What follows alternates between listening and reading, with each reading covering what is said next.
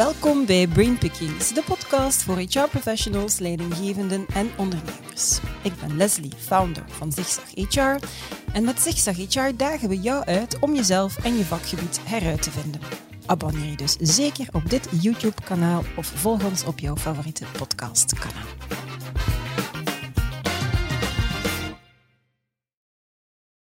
Op een krappe arbeidsmarkt telt elk talent. Ook talent met een iets grotere afstand tot die arbeidsmarkt en talent dat nood heeft aan baat bij of specifiek ondersteuning op de werkvloer.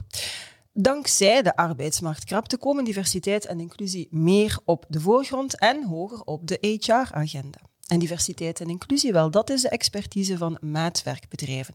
Sommigen onder jullie waarschijnlijk ook nog kennen als beschutte en sociale werkplaatsen. Zij stellen mensen met een arbeidsbeperking en mensen die door een specifieke ondersteuningsnood niet aan de slag kunnen in de reguliere economie aan het werk. Soms als duurzame tewerkstellingsplaats, soms als tussenstap naar de reguliere tewerkstelling. Maatwerkbedrijven bieden niet alleen een job, maar ook de nodige begeleiding, opleiding, een sociaal netwerk en op die manier ook een groter gevoel van eigenwaarde. Daar zit met andere woorden heel veel expertise waar ook reguliere bedrijven kunnen van leren. En die expertise willen ze ook graag delen. Dat is de reden waarom Marijke Stiers, adviseur bij Groep Maatwerk, dat is een werkgeversfederatie van maatwerkbedrijven in Vlaanderen, contact met mij opnam vlak voor de zomer. De resultaten van het competentieprognoseonderzoek dat ze uitgevoerd hebben, zijn ook relevant voor andere sectoren. En ook Johan de Seijn, oprichter en onderzoeker van Empiris, schuift mee aan.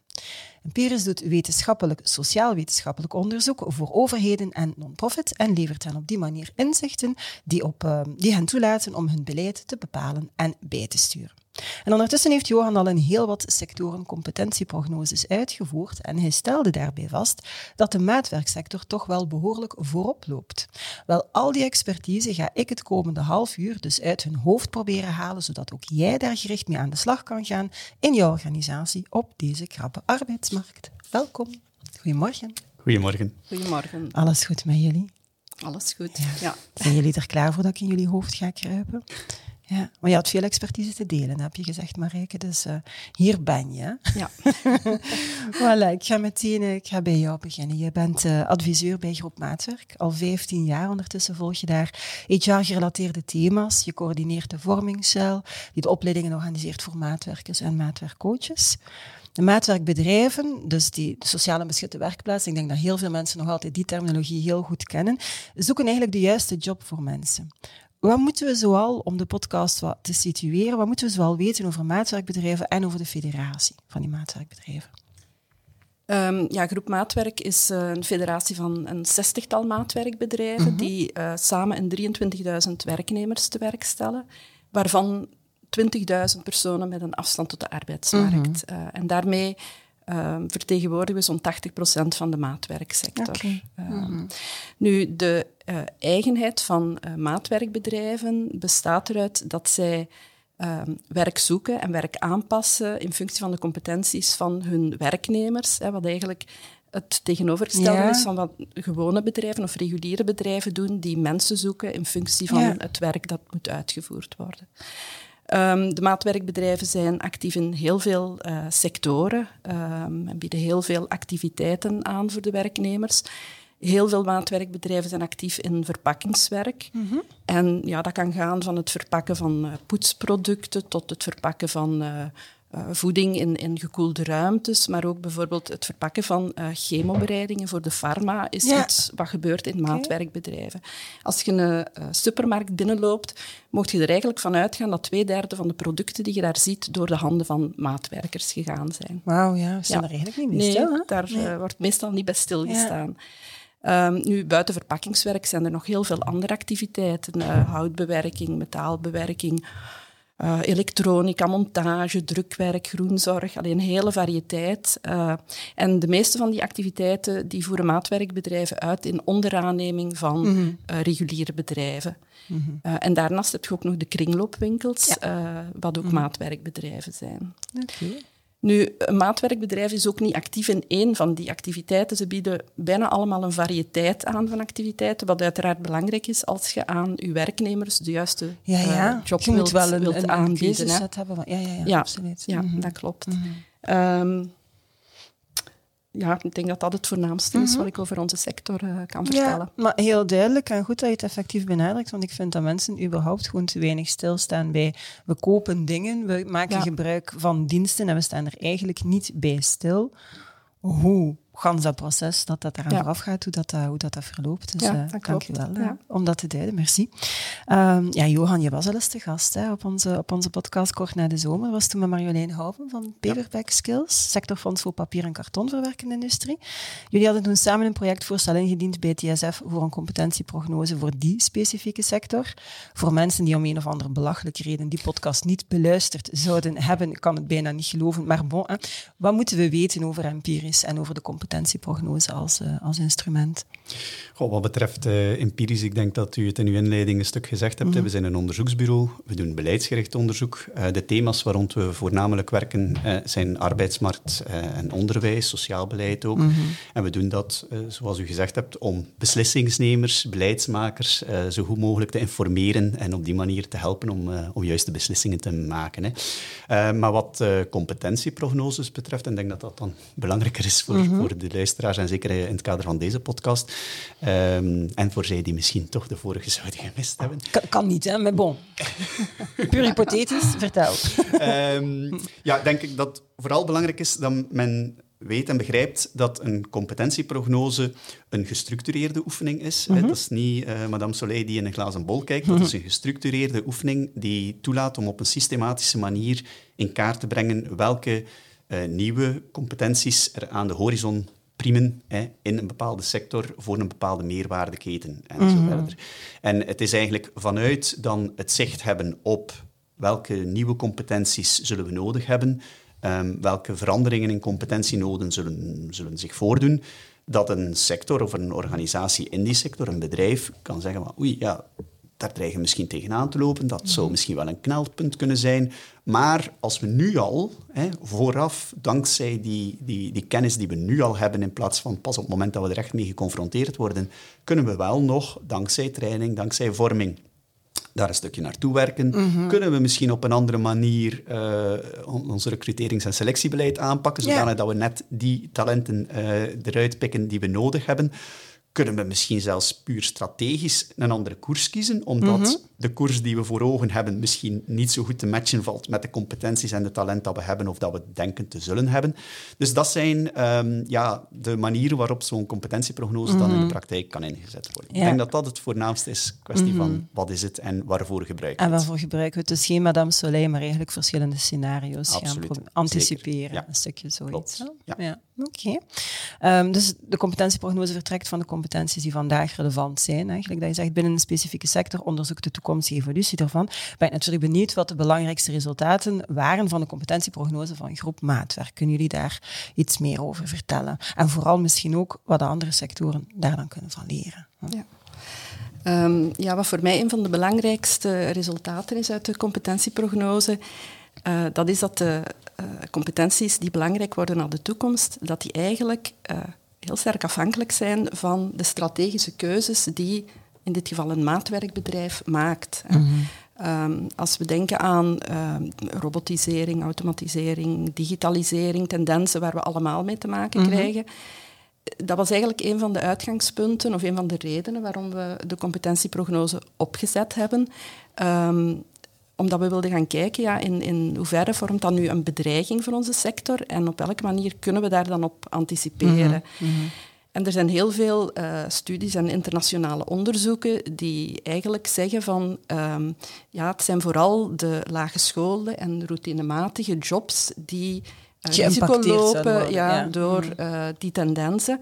En dat zijn juist de jobs natuurlijk die uh, heel vaak in maatwerkbedrijven voorkomen. Hè. Dus dat wilden we uh, echt wel eens gaan, gaan kijken. Mm -hmm. Nu, wat hebben we gezien tijdens uh, het onderzoek? Dat is dat veel maatwerkbedrijven ofwel al bezig zijn ofwel plannen hebben om die ehm, digitalisering, robotisering enzovoort in te zetten als ondersteuning voor de maatwerkers. Dus mm -hmm. technologische operatorondersteuning in, in de zin van het werken met cobots, met light guiding systems enzovoort. En dat maakt eigenlijk dat uh, ja, het werk op termijn voor de maatwerkers uh, niet complexer of niet moeilijker mm -hmm. gaat worden, maar misschien juist makkelijker en minder complex. Wat ook weer niet betekent dat er uh, geen competentieverschuivingen gaan zijn, want onze mensen gaan wel de digitale skills moeten hebben. Om daarmee te werken. Om ermee te werken. En we gaan ook mensen in de organisaties moeten hebben die die systemen kunnen ontwerpen en bedenken en bouwen. Hè. Dus dat zijn dan nieuwe competenties. Maar het vormt niet zozeer een bedreiging, het, het opent kansen en, en opportuniteiten eigenlijk. En dat mhm. vond ik toch wel een belangrijke conclusie uh, in onze, uh, mm -hmm. in onze competentieprognose. Ja, absoluut, absoluut. Ik zie u. Ja, Johan? Ja, ja dat klopt. Hè. Uh, dus dat was het uitgangspunt van, is dat een bedreiging? En, mm -hmm. en dat, dat, schept eigenlijk voornamelijk kansen. Nu, anderzijds is het ook wel zo dat de competentieprognose ook wel een aantal dingen naar voren heeft gebracht. Um, waar dat zelfs de maatwerkbedrijven die er zelf eigenlijk de input toegeleverd hadden, ook wel van zeiden, hoe dat is toch wel heel wat. Hè. Um, en in die zin, omdat u ook de vraag stelde van wat is dan relevant voor, voor bedrijven en andere sectoren. Wij hebben bijvoorbeeld ook nagegaan um, in hoeverre dat de nieuwe competentieverwachtingen die we dus in de maatwerkbedrijven uh, konden detecteren, in hoeverre dat dat overeenstemde met resultaten van andere competentieprognoses -hmm. die in reguliere sectoren al uh, hebben plaatsgevonden. Hè. Dat is al gebeurd onder andere in logistieke sectoren, dat is al gebeurd in assemblagesectoren. Mm -hmm dat zijn ook activiteiten, zoals dat Marijke daarnet ook al heeft gezegd, die ook heel vaak voorkomen in die maatwerkbedrijven. Dus we hadden daar eigenlijk een vergelijkingspunt. En het was heel boeiend, want zoals Marijke heeft gezegd, bij een maatwerkbedrijf vertrek je in principe vanuit de competenties die er zijn. Hè, mm -hmm. uh, een stukje in tegenstelling met uh, een regulier bedrijf. Dus we waren heel benieuwd in hoeverre dat dan die competentieprognose in dezelfde richting zou gaan of niet. En eigenlijk hebben we daar vastgesteld dat die wel degelijk in dezelfde richting gaat. Hè. Uh, er is een tendens richting meer flexibiliteit die zal verwacht worden, meer polyvalentie. Uh, men zal inderdaad met die digitale tools aan de slag moeten kunnen en zo verder. Er is zelfs een tendens richting wat meer gedeeld leiderschap en het mm opnemen van verantwoordelijkheid. En als we dat dan als geheel, hoewel dat elk stukje en beetje van die informatie in een individueel gesprek met een maatwerkbedrijf naar boven was gekomen. Zijn zij die die competentieprognose voeden. Maar als je dat dan als geheel terugkoppelt, dan zeggen die toch... Hm, dat is toch even slikken van ja, we gaan daar echt moeten op beginnen ja, ja. anticiperen. Hetzelfde als we dat terugkoppelden naar bijvoorbeeld onderwijsverstrekkers. Hm? Mm -hmm. We hebben dat teruggekoppeld naar uh, de pedagogische uh, begeleidingsdiensten uh, van, van de verschillende netten die dan bijvoorbeeld eh, wat betreft eh, buitengewoon onderwijs, OV2, die in principe voorbereidt op eventueel mhm. werken in een, uh, in een maatwerkbedrijf, die dan zeggen van, oh ja, dat wordt wel een, een challenge hè, om, ja, ja. om, met ons publiek dat wij nu zien binnenkomen, dat ook maar diverser wordt hè, en zo verder, om die doelstellingen te gaan realiseren. Ja. Dus het heeft ook echt wel een stuk uh, ja, awareness uh, mm -hmm. naar boven gebracht van ja, we moeten hier wel uh, dingen rond doen. Dus ze zijn volop bezig. We hebben mm -hmm. een lerend netwerk en zo verder. Daar komen we straks nog op. Dus ze zijn ermee aan de slag gegaan. Maar het heeft zeker ook die rol gespeeld. Ja, ja, ja. ja ik kon het vooral anticiperen. Stakeholders erin betrekken die, die, die, die daar een rol in te spelen hebben. Maar niet afwachten, omdat er nog veel te vaak gebeurt, toch? Um, ja, maar Rijk, jullie stellen ook een, uh, ja, een heel uiteenlopende groep van, van mensen aan het werk met de meest verschillende achtergronden, problematieken.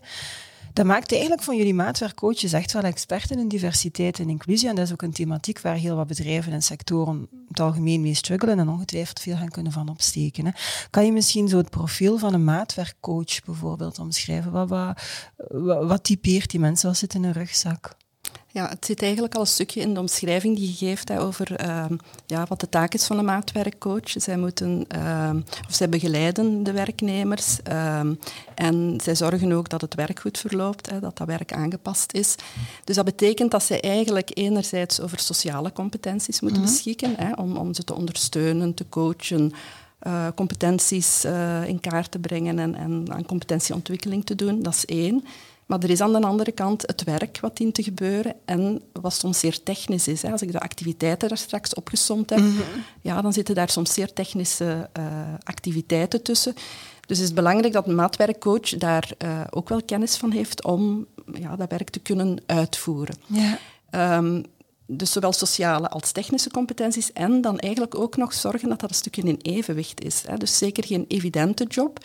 Maar een job die toch wel ehm, ja, een grote meerwaarde heeft. En we hebben ehm, een uh, editie, een nummer van ons tijdschrift Werkvormen in april mhm. gewijd aan de maatwerkcoach. En uit de testimonials daar blijkt ook dat dat juist die combinatie, uh, die uitdaging die dat meebrengt, toch wel de meerwaarde van de job is. Nu, als we gaan zien het profiel, dan zien we daar eigenlijk die twee ook terugkomen. Uh, maatwerkcoaches zijn heel vaak zij-instromers, mhm. die ofwel uh, technische competenties hebben via uh, opleiding of via ervaring, ofwel sociale competenties. Um, en het zijn ook heel vaak mensen, zijn, dus de zijnstromers, die eigenlijk in de job ja, zo'n extra dimensie zoeken en ja, dat juist daar, daarin vinden. Oké, dus die echt heel bewust ja in, voor die job kiezen omdat ze mensen willen helpen en een technische of net sociale competentie. En een van de twee gaan ze waarschijnlijk moeten, moeten ja, Ja, dat klopt, want inderdaad het ideaal typische uh, uh, maatwerkcoach, de ideaaltypische maatwerkcoach die van bij de start uh, zowel de sociale als de technische ja. competenties heeft, die zijn er, maar ja. ze zijn uh, zeldzaam, zijn de witte raven. En dat betekent dat de maatwerkbedrijven ook wel sterk inzetten op opleiding voor nieuwe maatwerkcoaches ja, ook weer het zij technische opleiding die dan heel vaak op de werkvloer gebeurt. Mhm. Het zij uh, eerder opleiding op vlak van die sociale competenties en uh, de basisopleiding die wij vanuit onze vormingscel aanbieden, basisopleiding voor maatwerkcoaches, is daar uh, een zeer belangrijk onderdeel in dan. Ja. Zeg, en hoe zou je dat evenwicht dan kunnen, want ze zijn alle twee belangrijk, de mhm. technische en, en de sociale skills. Is er één dat doorweegt of dat, dat, dat, dat belangrijker is. Iemand die technisch heel sterk is, maar sociaal uh, na de opleiding toch nog niet. De beide moeten eigenlijk in wezen wel aanwezig zijn. Uh, je ziet dat ook bij de, de, de, de keuzes die uh, maatwerkbedrijven maken bij de selectie. Mhm. Als ze kiezen, soms kiezen ze voor in eerste instantie technische profielen, omdat hun werk zeer technisch is.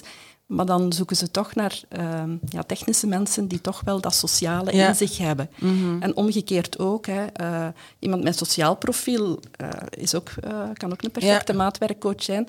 Maar hij moet wel enige technische affiniteit hebben niet alle jobs zijn even technisch, maar ja, zelfs als je aan een verpakkingsmachine je moet werkt, dat het, je moet toch iets uh, weten van ja, hoe het werkt en, en, kleine storingen kunnen, kunnen verhelpen. Ja. Ik zou denken dat die sociale skills, dan als, als die mensen zich aandienen, technisch kun je dat makkelijker aanleren dan iemand die gewoon van nature al heel mhm. empathisch is en, en uh, maar uh, oké. Okay. Zeg, en, de link naar, uh, naar andere bedrijven toe, want ja, wat jullie omschrijven een maatwerkcoach, dat is een leidinggevende die doorgroeit, een expert die dan plots leidinggevende wordt van een team. Ja, die heeft de expertise dan van, van het vakgebied of van de lijn waar dat hij mhm. dan uh, actief is geweest een aantal jaar, maar mist dan soms de people skills. En anderzijds heb je heel sterke ja, leaders en people managers die dan ook die technische skills niet hebben, waardoor dat je in sommige sectoren merkt dat het team minder respect heeft voor die leidinggevende, omdat hij niet weet waar dat hij het over heeft. Dus ik, vind, ik vind daar wel, zit er wel aan een link. Zijn er nog zaken waar, dat, de andere bedrijven iets kunnen van, van leren, zo van die maatwerkcoaches? Van die... Um, wat ik daar hè, als een stuk mhm. buitenstaander voor een stuk geleerd heb, is, je hebt inderdaad die cruciale uh, rol van, van die maatwerkcoach in het realiseren van die inclusieve werkvloeren, mhm. hè, waar, waar de maatwerkbedrijven in mijn ogen zeer sterk in zijn en zich onderscheiden voor een stuk ook. Um, maar wat wij ook vastgesteld hebben, is dat dat niet beperkt blijft tot die maatwerkcoach. Eigenlijk is mhm. gans die organisatie en iedereen in heel die keten betrokken bij het creëren van dat aangepast werk. Ja. Dat begint letterlijk bij de manier waarop er uh, nieuwe businessopportuniteiten uh, gedetecteerd worden. Dat gaat over de manier waarop dat afspraken gemaakt worden met klanten. Dat gaat over het samenstellen van een team. Dat gaat over de uitrusting van een werkpost en de inrichting van een werkpost. Dat gaat inderdaad, dat hebt u wel vermeld, ook over natuurlijk groeitrajecten detecteren mhm. en dan ook ontwerpen, hè, die trainingen ontwerpen en gaan aanbieden. En dan heb je dus natuurlijk nog een keer al die begeleiding op de werkvloer, mhm. waar dat dan de, de maatwerkcoach eh, inderdaad de, de centrale rol speelt. Maar ik denk dat het belangrijk is om, om te beseffen van oké, die zijn expert en die doen dat goed. Die, die stellen een zeer divers en, en toch niet zo'n evident publiek uh, te werk. En mhm. dat zijn ook dat zijn economisch rendabele bedrijven. Ja, bedoel, Die produceren inderdaad voor, voor, grote, allez, voor heel grote... Mhm. spelers en zo verder. Uh, dus dat zijn, dat zijn performante bedrijven met een, die dat doen met een heel moeilijke doelgroep. Dus die bewijzen dat het kan. Maar tegelijk daar is ook wel wat, wat, expertise voor nodig. Daar zitten veel competenties achter, uh, voor een stuk op individueel niveau van die maatwerkcoach, maar evengoed op het niveau van heel ja, organisatie. organisatie. Ja. En ik denk dat dat ook wel een belangrijk inzicht is, zeker zoals u zelf aangeeft, op de arbeidsmarkt van vandaag wordt die inclusiviteit mhm. en de diversiteit uh, managen steeds belangrijker punt. Dus ik denk dat dat ook wel een inzicht is dat voor andere bedrijven en in andere sectoren wel belangrijk is om mee te nemen. Dat het eigenlijk niet zal volstaan, ook waarschijnlijk door daar een heel sterke maatwerkcoach of leidinggevende te zetten, maar dat het, het moet gewoon doordrongen zitten. De manier hoe dat je inderdaad werkposten inricht, maar ook de manier hoe dat je afspraken maakt, teams samenstelt. Dus er komt eigenlijk heel veel meer bij kijken. Zeg maar, kunnen die maatwerkcoaches dan ook ingeschakeld worden in reguliere bedrijven? Of? Um, ja, binnenkort toch. Um, ja, oké. Nu... Um, want dat zou een hulp kunnen zijn, lijkt mij. Ja. ja. nu, er is nu al samenwerking mm en er zijn andere mogelijkheden dan enkel het ingeschakeld worden. Um, wat er nu bijvoorbeeld ook al vrij veel gebeurt, is uh, enclavewerk. Dat betekent eigenlijk dat een uh, groep maatwerkers onder begeleiding van een maatwerkcoach op de werkvloer uh, van een regulier bedrijf de activiteiten gaat uitvoeren. Hè. Dus dat niet het werk uh, met de mhm. vrachtwagen naar de werkplaats gebracht wordt, maar dat de mensen eigenlijk naar de werkvloer gaan. Bijvoorbeeld, ik denk dat dat hier in de buurt uh, van Gent is, brouwerij Huigen, ja, waar ja. delirium tremens ook gemaakt wordt. Daar gaat alle dagen een groep van een 24-tal werknemers naartoe, onder begeleiding van een maatwerkcoach. En zij doen daarmee verpakkingswerk van, van het bier. En de reden waarom dat ze dat zo doen, is omdat het een, een, een opstap is naar dat ze daar effectief gewoon in het regulier circuit kunnen werken, of gewoon praktisch uh, overwegingen? Ja, er zijn allerlei overwegingen. Uh, soms is dat praktisch omdat de, de, het om grote hoeveelheden gaat die moeilijk mhm. transporteerbaar zijn. Maar het is zeker een meerwaarde dat, uh, dat er in het gewone bedrijf op de werkvloer kan gewerkt worden. Um, dat zij ook hè, samen met uh, de werknemers van het bedrijf zelf, um, ja, dat ze daar, daar het contact mee hebben uh, enzovoort. Zij voelen zich dikwijls ook wel uh, voor een deel werknemer van dat ah, reguliere bedrijf. Dus uh, ja, dat is heel belangrijk. En ja, daar heb je al een stuk samenwerking hè, van uh, de, de, de, mensen van het reguliere bedrijf of van de klant. Die zien ook wat er gebeurt en op welke manier er wordt omgegaan met de doelgroep werknemers, hoe het werk georganiseerd wordt. Mhm. Dus daar is al wisselwerking. Ja. Dus dat, dat is één manier. Um, doorstroom, en je hebt het juist vernoemd, ook, ook daar wordt aan gewerkt voor uh, die maatwerkers die, die willen en kunnen uh, de stap zetten naar uh, tewerkstelling in een regulier circuit, daar bereiden wij hen ook op voor. En ook daar liggen mogelijkheden naar ja, ondersteuning van mm -hmm. de mhm. reguliere werkgever op het moment dat die een overstap gemaakt wordt of in voorbereiding ja, daarvan. Ja. Hè.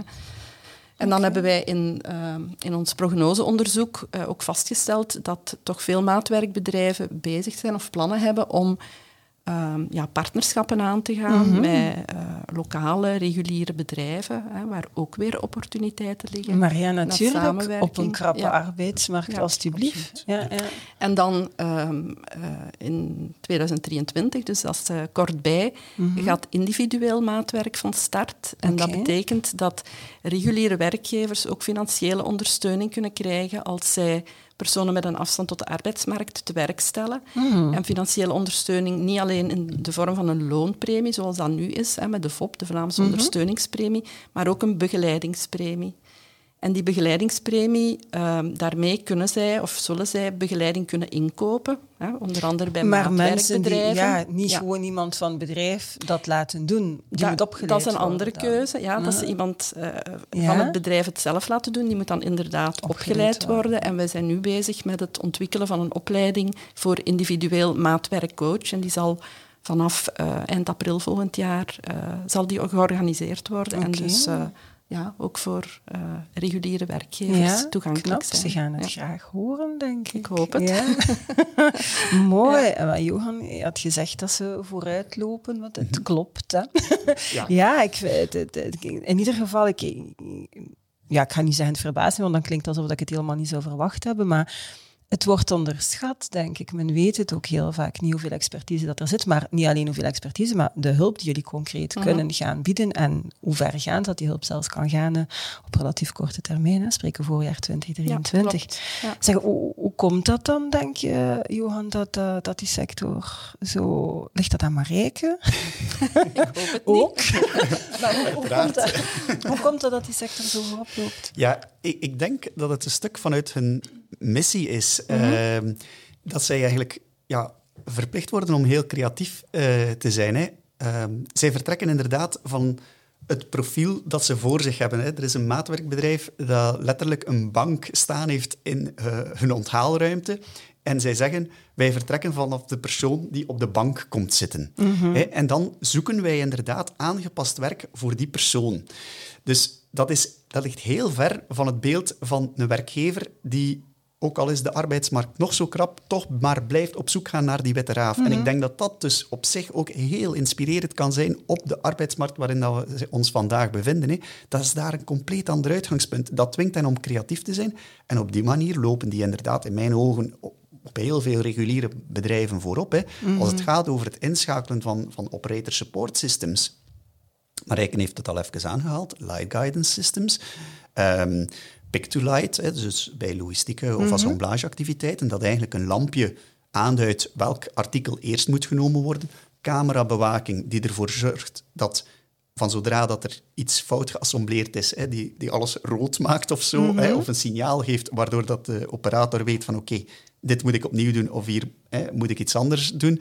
Ehm, ook de, de manier waarop ook met interactieve tools werkinstructies worden gegeven, stap voor stap. hè, ehm, in, in, in dus wel een digitaal medium, of gebruik maken van een digitaal medium, maar stap voor stap. En op die manier eigenlijk een heel complexe handeling uiteenrafelen in, Ja, ja. in heel kleine deelstapjes die dan wel behapbaar zijn. Ik denk dat voor reguliere werkgevers die dus inderdaad zien van ja, de medewerkers die, waarmee dat we het misschien nu moeten stellen om het negatief te, eh, te verwoorden, ja, dat, dat wordt een uitdaging om ze de complexe eh, producten te laten produceren die, die we uiteindelijk moeten leveren.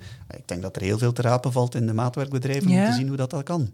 Ja, want je, je draait het inderdaad een stukje om en gaat op zoek naar vrij hooggeschoolde technische profielen die die complexe handelingen niet helemaal zelf kunnen stellen, maar je kunt zeggen van je zoekt iets minder hooggeschoolde profielen die die complexe handelingen niet kunnen stellen, maar je zorgt dat er tools zijn, digitale tools, die het voor hen makkelijker maken, Ja. waardoor de complexe taak minder complex Ja, wordt. dat is eigenlijk wat er gebeurt Ja. in een maatwerkbedrijf. Ja. En ik denk een andere sterkte is eh, ja, dat we zeer ontwikkelingsgericht werken ook. Ehm, wij hebben in de sector een persoonlijk ontwikkelingsplan voor iedere maatwerker. Ik denk dat wij de eerste sector zijn waar dat zo volledig uitgerold is. Dat is ook opgenomen in onze regelgeving, in het maatwerkdecreet. En in het begin hadden we daar wel schrik voor. Dan zagen we dat als een ver- verplichting. Maar ondertussen is iedereen daar eh, wel in mee en wordt Ja, het echt wel als een meerwaarde ervaren. Zowel bij de start van een werkstelling, bij de onboarding, om ja, te gaan kijken van naar welke activiteit wordt iemand best georiënteerd op basis van zijn competenties, zijn talenten, zijn interesses.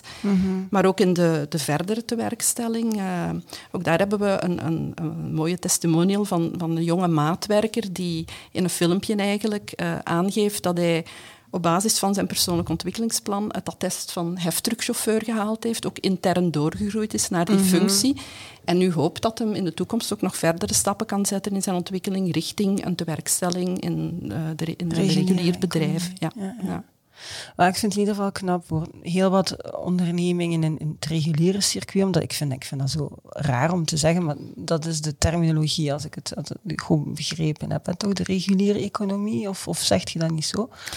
Ja, er wordt nog altijd een onderscheid gemaakt Ja. tussen de sociale economie Ja. en de reguliere economie, terwijl we liever zouden hebben dat we De één economie Ja, waren. ja. dan, Ga ik mijn, dan ga ik mijn vraag proberen herstellen. Ehm, ik denk dat alle bedrijven ehm, willen vertrekken van de competenties die er zijn in de persoon die zich aandient en graag bij dat bedrijf wil werken.